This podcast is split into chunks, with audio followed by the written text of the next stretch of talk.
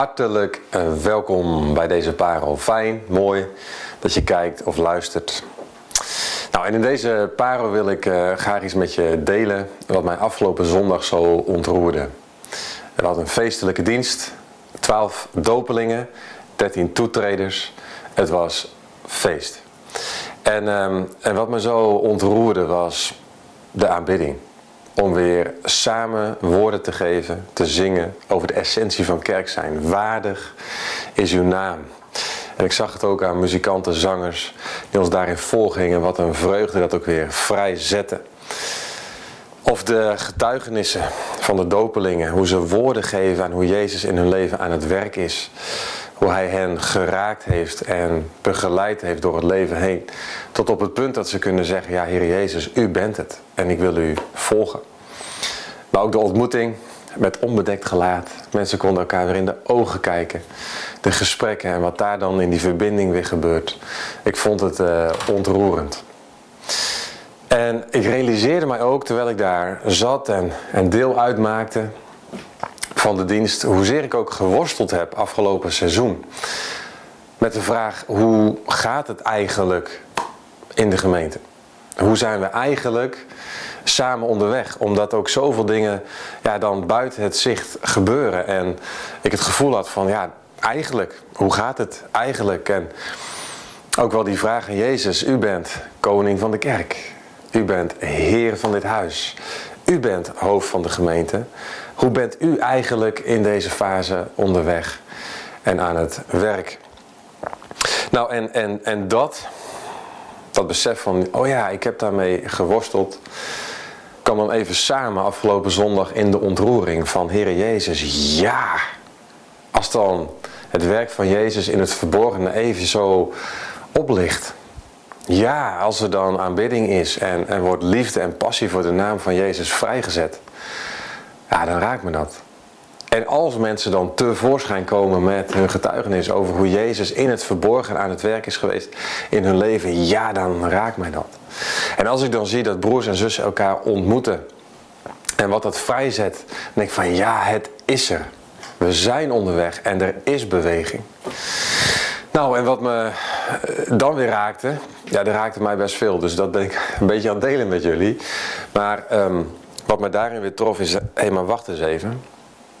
Is het niet zo dat niet God, dat zeggen we vaak, God werkt ook in het verborgen. Maar is het niet veel meer dat God juist werkt in het verborgen? En dat Hij überhaupt zoveel meer doet dan wij zien. En soms wel onderkennen. En is het niet zo dat we überhaupt maar een glimp zien van wat de hemelse Jezus in de aanwezigheid van de Heilige Geest hier op aarde gewoon aan het bewerken is? Is het niet zo dat we het überhaupt mogen doen en moeten doen met een glimp? Omdat Jezus zo oneindig diep kan werken, buiten ons zicht, in het verborgene. En dat bepaalde me ook bij Haggai. Afgelopen zondag mocht ik daarover preken, waar ook dat verborgen werk van God zo zichtbaar is. Paradoxaal genoeg. Als je kijkt naar die grote Persische koning Cyrus, die wereldheerser het volk Israël in ballingschap dacht van hé, hey, we zijn speelbal van deze machthebber. En dat God zodanig in het hart van deze grote koning Cyrus werkt. Dat hij de Joden vrijheid teruggeeft. Dat hij de ballingen naar Jeruzalem stuurt. Dat hij nota bene opdracht geeft. Een heidense koning om de tempel van de Heer te herbouwen in Jeruzalem. En nota bene de bouwmaterialen beschikbaar stelt. Wie had dat gedacht? Dus terwijl het volk denkt van, is God eigenlijk nog wel met ons? gebeurt er eigenlijk nog wel wat. Was God al lang bezig in het hart te werken van deze heidense heerser. Om het volk te zegenen en zijn werk voort te zetten. En als we het dan toch hebben over een Persische koning, er was er nog eentje in het Oude Testament, Ahasveros. Koningin Esther. De naam van God komt in het Bijbelboek Esther niet voor. Mordechai, waardoor God ingeschakeld om ja, die tiran Haman die het volk wil uitroeien. Ehm, eigenlijk te ontmaskeren. En koningin Esther met gevaar voor eigen leven naar deze grote Persische koning Ahasveros gaat. Genade vindt in zijn ogen en een volk wordt gered.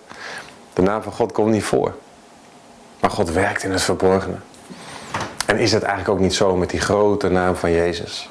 In Genesis 3 is er al die, die belofte dat er ooit een redder gaat komen. Het is nog maar net stuk of er is al de belofte, ik ben aan het werk, zegt God. Is niet het hele Oude Testament, al die eeuwen, onder de oppervlakte in het verborgene, de belofte er komt. Een Messias, Jezus komt. En nu leven we na de komst van Christus. En is onder de oppervlakte niet, het, eh, al die eeuwen waar we nu in leven, naar de toekomst toe, ook niet continu onder de oppervlakte, die beweging gaande. Jezus komt opnieuw. Matthäus 6, vers 6. We worden uitgenodigd om te bidden. Het verborgene te zoeken. In het besef dat de God die in het verborgene is, de Vader die in het verborgene ziet, zegt Jezus, ons zal belonen. En ik geloof dat in het verborgene van de binnenkamer we zicht krijgen op het verborgen werk van de Vader die in het verborgene is. En uh, ik denk dat dat is wat mij ten diepste ontroerde afgelopen zondag. Dat ik mij besefte van hé, hey, mijn gebed mag zijn, bij alles wat ik soms niet zie. Heer Jezus, open mijn ogen voor wat u aan het doen bent in het verborgene. Opdat ik mij ermee kan verbinden. Opdat ik ermee in mee kan bewegen. En zelfs als ik het niet zie, dan wil ik mij verbinden met u in geloof, Heer Jezus. Dat u daar werkt, buiten mijn zicht. Nou, dat wilde ik graag met jullie delen. En ik hoop dat het je bemoedigt om in deze dag, in deze week, gewoon in het leven wat we te leven hebben, zicht te houden. Ons in geloof te verbinden aan deze God die in het verborgene werkt.